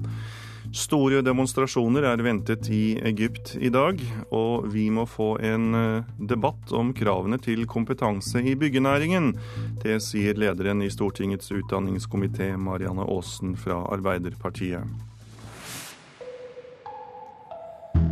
Jeg heter Tor Albert Frøsland. I Italia så har politiet gjennomført to store aksjoner mot mafiamiljøet nå i morgentimene. Det er det nyhetsbyrået AFP som melder.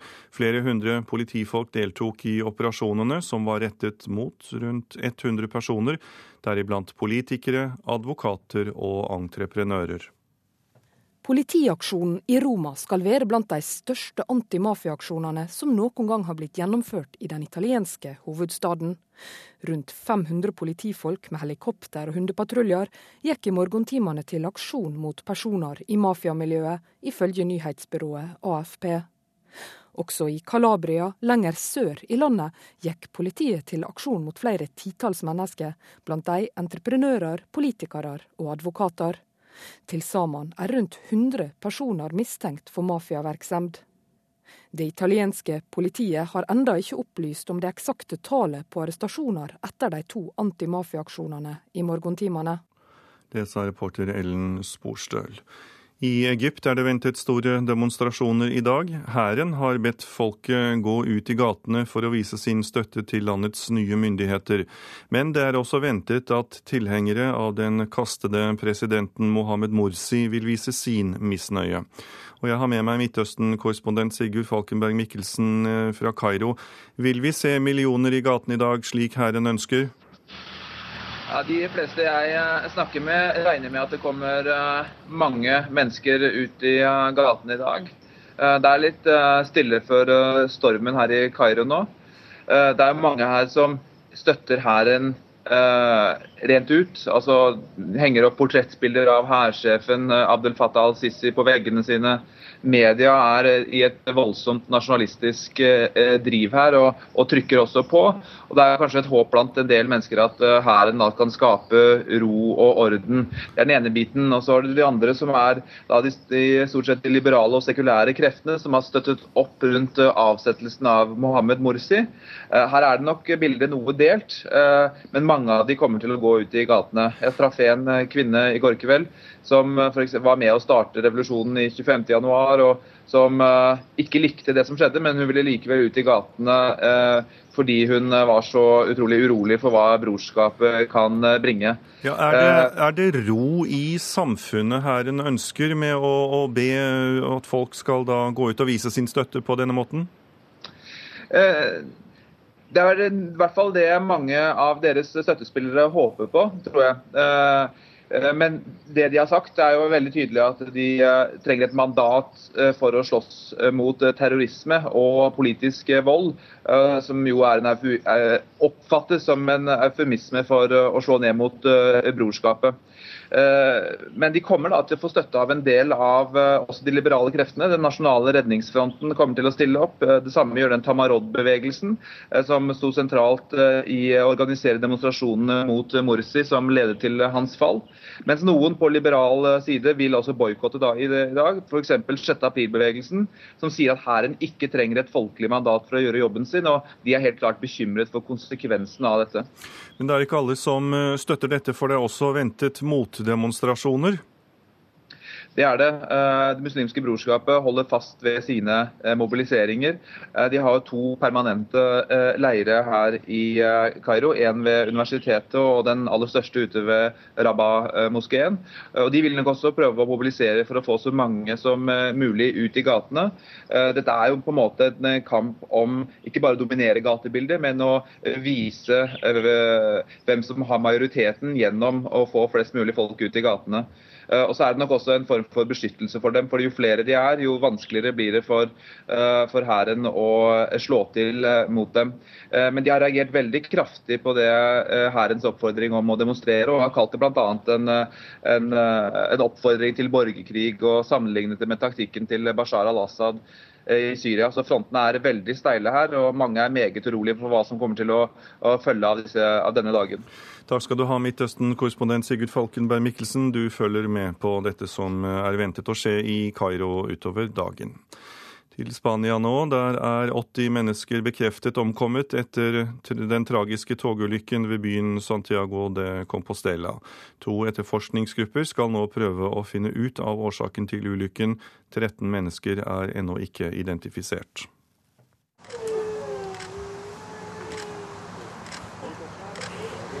Det er utenfor det midlertidige likhuset i Santiago de Compostela familien gråter. En eldre mann gråter stille. Kvinnene kan vi høre. De unge mennene forsøker å holde noe inne. Verdenspressen står noen meter unna. Det er et idrettsstadion som er gjort om til likhus. Ikke alle familiene vet ennå sikkert. De får all hjelp de trenger, skriver spansk media. Spania samler seg rundt de pårørende. Historiene fra de overlevende ryster nasjonen.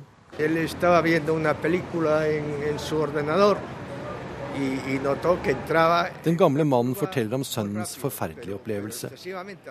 Han så på en film på sin datamaskin, sier han. Han følte at toget gikk inn i en sving altfor fort. Akkurat da ble han kastet opp i luften og togvognen rullet på siden. Det var forferdelig. Han så mange døde mennesker.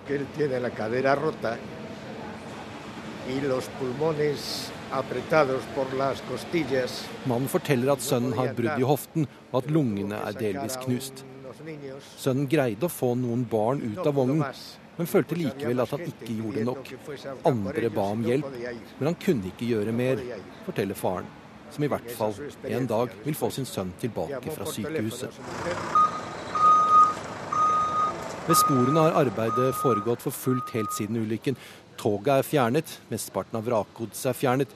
Nå repareres skinnene. Målet er å kunne la tog passere her igjen innen kort tid. Samtidig er det etterforskere i gang ved skinnegangen, og blant de overlevende. To forskjellige spor følges. Menneskelig svikt og teknisk svikt. Kanskje en kombinasjon. Det må være en kombinasjon, sier ekspertene til spansk media. Vi har en 52 år gammel, meget erfaren togfører som innrømmer at hastigheten var for høy, 190 km i timen, ifølge den svarte boksen. Vi har sikkerhetssystemet som skulle gi varsling, kanskje automatisk nedbremsning. Svarene må komme fort, mener lederskribentene. Ellers så kan vi ikke stole på landets jernbane. Det sa reporter Halvard Sandberg. Her hjemme dreier narkotikadebatten seg i for stor grad om de tradisjonelle rusmisbrukerne. Det mener sjef ved seksjon for organisert kriminalitet i Oslo politidistrikt, Einar Aas. Han ønsker seg en beregning av den totale mengden narkotika som omsettes i Norge hvert år. Anne Line Bredtvill Jensen, forskningsleder ved SIRUS, Statens institutt for rusmiddelforskning, mener det er umulig å kartlegge alle som bruker narkotika.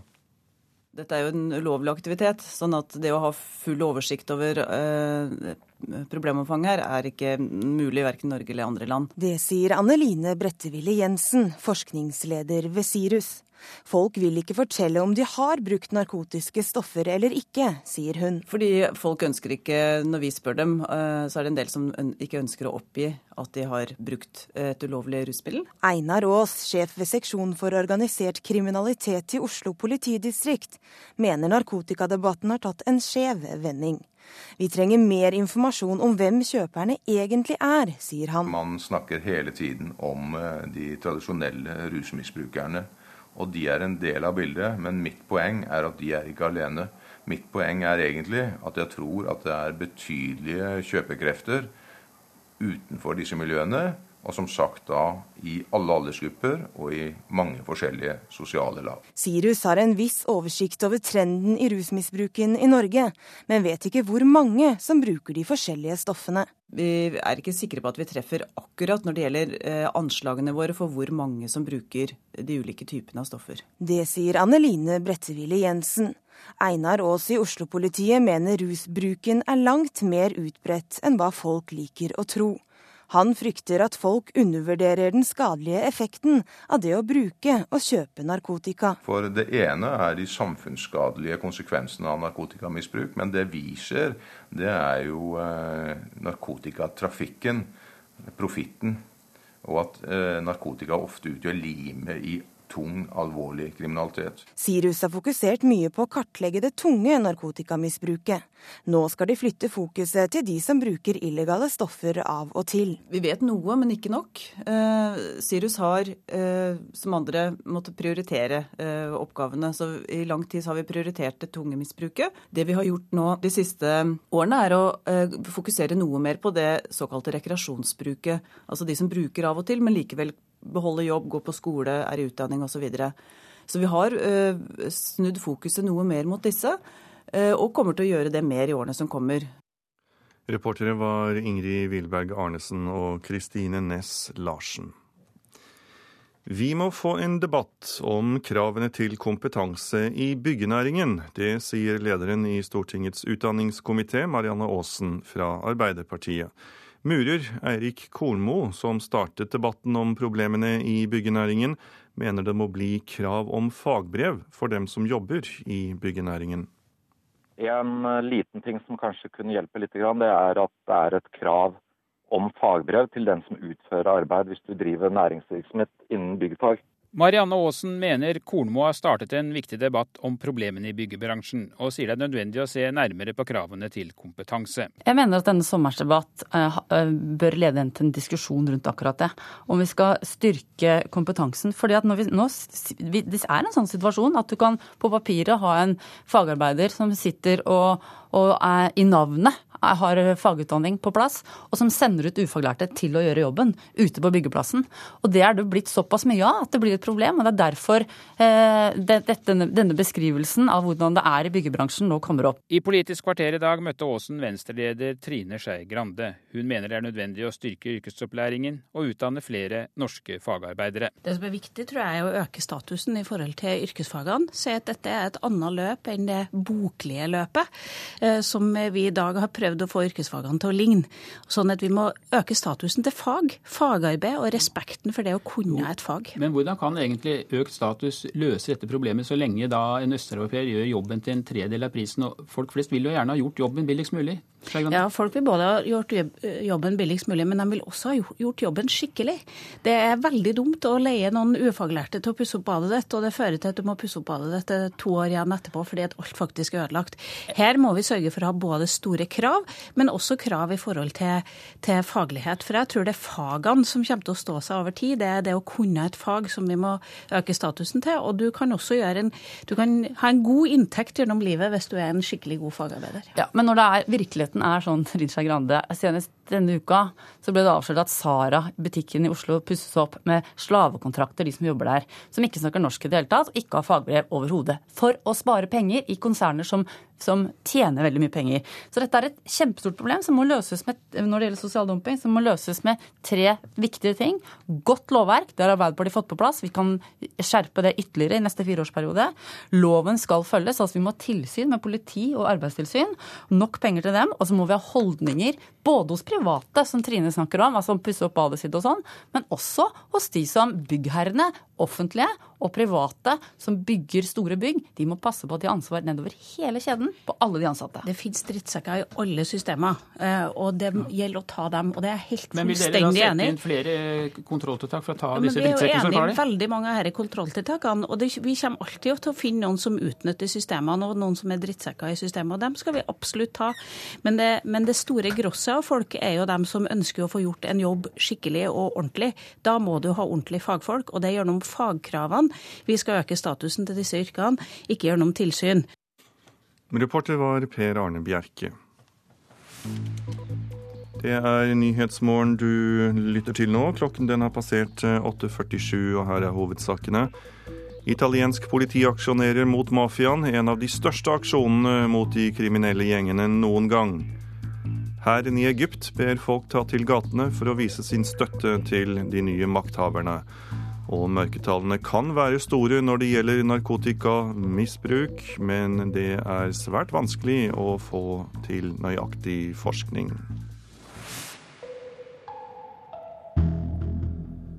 Nå skal vi til eh, Afrika, for førstkommende søndag er det valg på ny president og nasjonalforsamling i Mali. Vestafrikanske, den vestafrikanske nasjonen ble i vinter reddet av franske soldater da ytterliggående islamister truet med å ta over kontrollen i landet.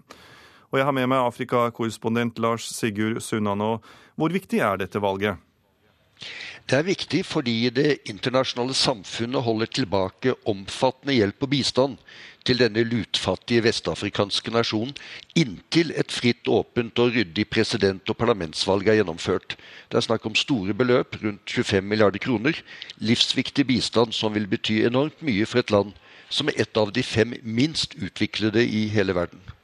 Jeg tenker at dette er eh, relativt kort tid etter urolighetene. Det høres nesten ut som, som et slags hastevalg. Lar det seg virkelig gjennomføre? Mange observatører stiller seg tvilende til det.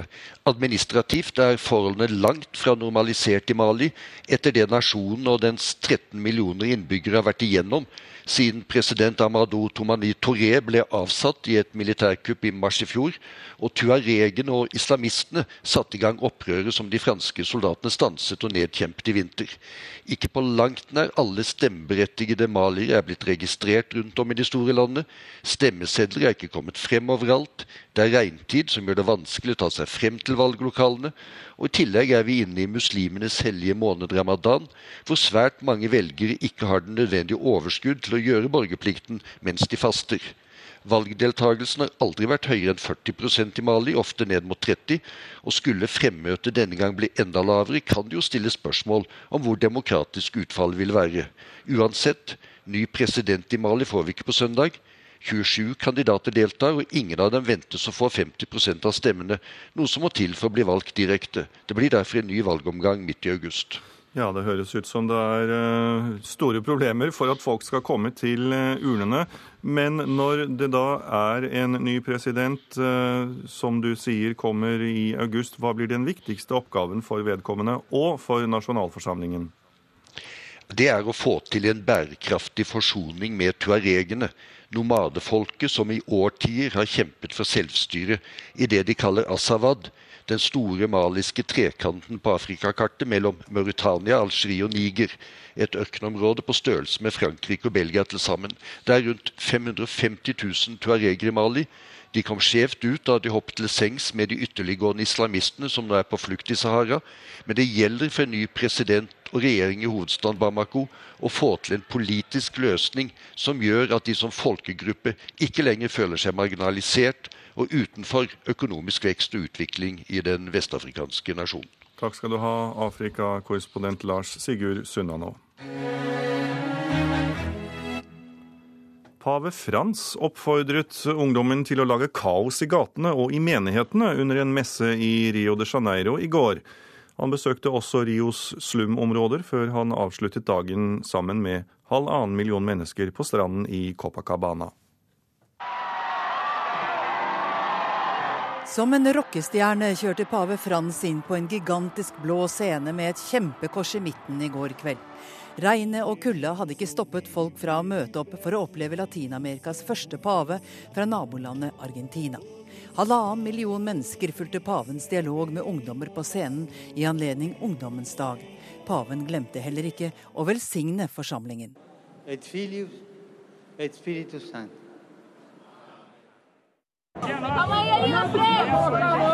Tidligere på dagen hadde paven ruslet rundt i et av Rios slumområder, klemt på folk, holdt små barn i armene og snakket om at de rike må gi mer til de fattige.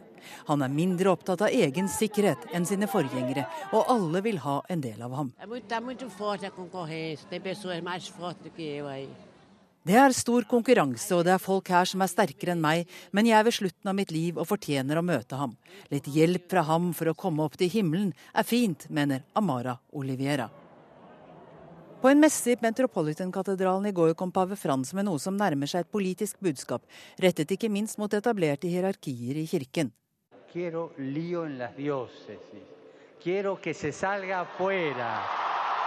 Jeg vil ha kaos i menighetene, jeg vil at dere skal gå ut i gatene, jeg vil at vi skal kvitte oss med prestestyret, med det verdslige, og vi må slutte å lukke oss inne i skoler, menigheter og egne institusjoner, sa pave Frans. Med sitt budskap signaliserer paven ikke bare en ny stil, men kanskje også en ny rolle for den katolske kirken i Latin-Amerika, der de evangeliske kristne er i ferd med å vinne en stadig større andel av sjelene. Reporter, det var Gro Holm tar vi en titt på det som står på noen av avisenes eh, forsider denne fredagen. Aftenposten har den tragiske togulykken i Spania på sin forside, der 80 mennesker omkom. Og farten på togene den skal opp i Norge, kan Dagsavisen fortelle oss. Jernbaneverket frykter ikke at fartsøkningen vil øke risikoen for alvorlige jernbaneulykker lik den i Spania. Nordisk råd kutter kraftig i kulturtiltakene som skal styrke båndene mellom de nordiske landene. Flere institusjoner står i fare, skriver Klassekampen. Stadig flere over 67 år jobber, kan Vårt Land fortelle oss. Siden 2001 har Norge fått 44 000 flere over 67 år i arbeidslivet. Statoil vil spare etter at overskuddet falt med 74% første halvår i år. Statoil-sjefen Helge Lund tror utflagging kan gi større verdier, skriver Dagens Næringsliv. Mobilbruken den truer familielivet, skal vi tro Dagbladet, som gir oss seks råd mot irritasjon. VG har gårsdagens semifinale i fotball-EM på sin forside, og avisen mener vi kommer til å ta Tyskland i finalen. U-hjelpen går med til lønninger i Norge, skriver Bergens Tidende. Norske bistandsorganisasjoner bruker opptil halvparten av statsstøtten til u-hjelp, her til lands da altså, til bl.a. lønninger og reiser. Fedrelandsvenn forteller om en biljakt der et spedbarn ble reddet. En far mente at barnet ikke trengte behandling på sykehuset i Kristiansand, så han tok barnet, satte det bak i bilen og kjørte av gårde med politiet på hjul. Mattilsynet refser Rema 1000 på Veitasenteret, det kan Nordlys fortelle. Mattilsynet fant at temperaturen i kjøledisken på en Rema 1000-butikk var på 12 grader, og den skal være på 4 grader. I Bergen vil eksperter bygge høyhus for å få flere mennesker inn i sentrum. Flere fastboende skaper en mer aktiv by, og ekspertene etterlyser en nytenking fra politikerne i Bergen. Det skriver Bergensavisen. Nå skal vi høre at politiet rykket ut til Hallingby i Ringerike i går kveld etter melding om fulle og bråkete ungdommer. Da politiet kom frem, viste det seg at bråket ikke dreide seg om fyll, men om sterke følelser, forteller operasjonsleder Lill Heidi Tinholt. Når politiet ankom, så førte det fram til en adresse, og på den adressen så befant det seg tre gutter i alderen 16 år pluss en jente. Og da viser det seg at det er vel mer kjærlighetssorg hos to gutter som føler seg bedratt av kjærestene sine enn at de har drukket mye alkohol. Politiet var der og uh, fant at alkoholberuselsen var såpass lav at de kunne være der og trøste hverandre, og forlot adressen. Og fra trøstende kjærlighetssorg skal vi til sportens verden, for fotballandslaget kunne sent i går kveld juble over å ha sikret finalebillett i EM. Ekstraomganger og straffesparkkonkurranse måtte til i semifinalen mot Danmark.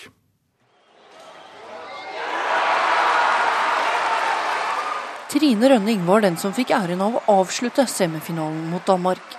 Jeg, jeg drikker ikke champagne, men jeg vet at den bobler og sprudler, så jeg tror det, det, er sånn det kjennes ut. Det var et stolt øyeblikk, rett og slett et stolt øyeblikk. Så jeg felte noen tårer etterpå, det må jeg innrømme. Etter at danskene utligna til 1-1 fire minutter før fulltid, ble det ekstraomganger og til slutt straffesparkkonkurranse. Nei, det er jo en drøm som uh, blir til virkelighet. Det sier keeper Ingrid Hjelmseth, som like greit åpna med å redde to av straffene. Og danna grunnlaget for norsk jubelrus. Når du er keeper, så er det en vinn-vinn-situasjon. og Jeg bare bestemte meg for at skal, jeg skal bare gjøre det til et show. Og jeg skal bare satse på at de skyter til samme hjørne som sist, og det gjorde de. Og, så nei, det var bare helt fantastisk. De færreste hadde tro på Norge før EM etter dårlige resultater i oppkjøringa. Likevel, søndag møter de Tyskland til finale i Stockholm. Det sa reporter Vibeke Unnhjem. Og så er det fredagsværet. Fjellet i Sør-Norge får for det meste pent vær, men lokale ettermiddagsbyger kan hende med torden. Østafjells blir det for det meste pent vær, men enkelte ettermiddagsbyger i indre strøk kan hende med torden. Lokal morgentåke på kysten. Vestlandet sør for Stad pent vær, mulighet for tåke på kysten. Fra sent i ettermiddag tilskyende og etter hvert litt regn, først i Rogaland. Møre og Romsdal og Trøndelag mulighet for tåke på kysten. I indre strøk utrygt for lokale ettermiddagsbyger og kan hende med torden, ellers pent vær. Helgeland, Saltfjellet, Salten og Ofoten. Pent vær. Mulighet for morgentåke langs kysten sør for Bodø. Enkelte ettermiddagsbyger i indre strøk på Helgeland kan hende med torden. Lofoten, Vesterålen, Troms og Finnmark får mye pent vær, men mulighet for lokal tåke i ytre strøk. Og Nordensjøland på Spitsbergen får eh, i morgentimene forbigående litt regn på kysten, for øvrig skyet oppholdsvær. Og så er det morgentemperaturene, og de ble målt klokken sju. Da hadde Svalbard lufthavn fem grader. Kirkenes og Vardø ti. Alta tolv. Tromsø-Langnes elleve. Bodø 13. Brønnøysund 12. Trondheim-Værnes 13. Molde 14. Bergen-Flesland og Stavanger 16. Kristiansand-Kjevik 14. Gardermoen 16. Lillehammer 15. Røros 10. Og Blindern i Oslo hadde 17 grader klokken 7. Ansvarlig for nyhetssendingen i dag, Elin Pettersen. Produsent Fredrik Lauritzen. Teknisk ansvarlig Hilde Tosterud. Og programleder Tor Albert Frøsland ønsker riktig god helg.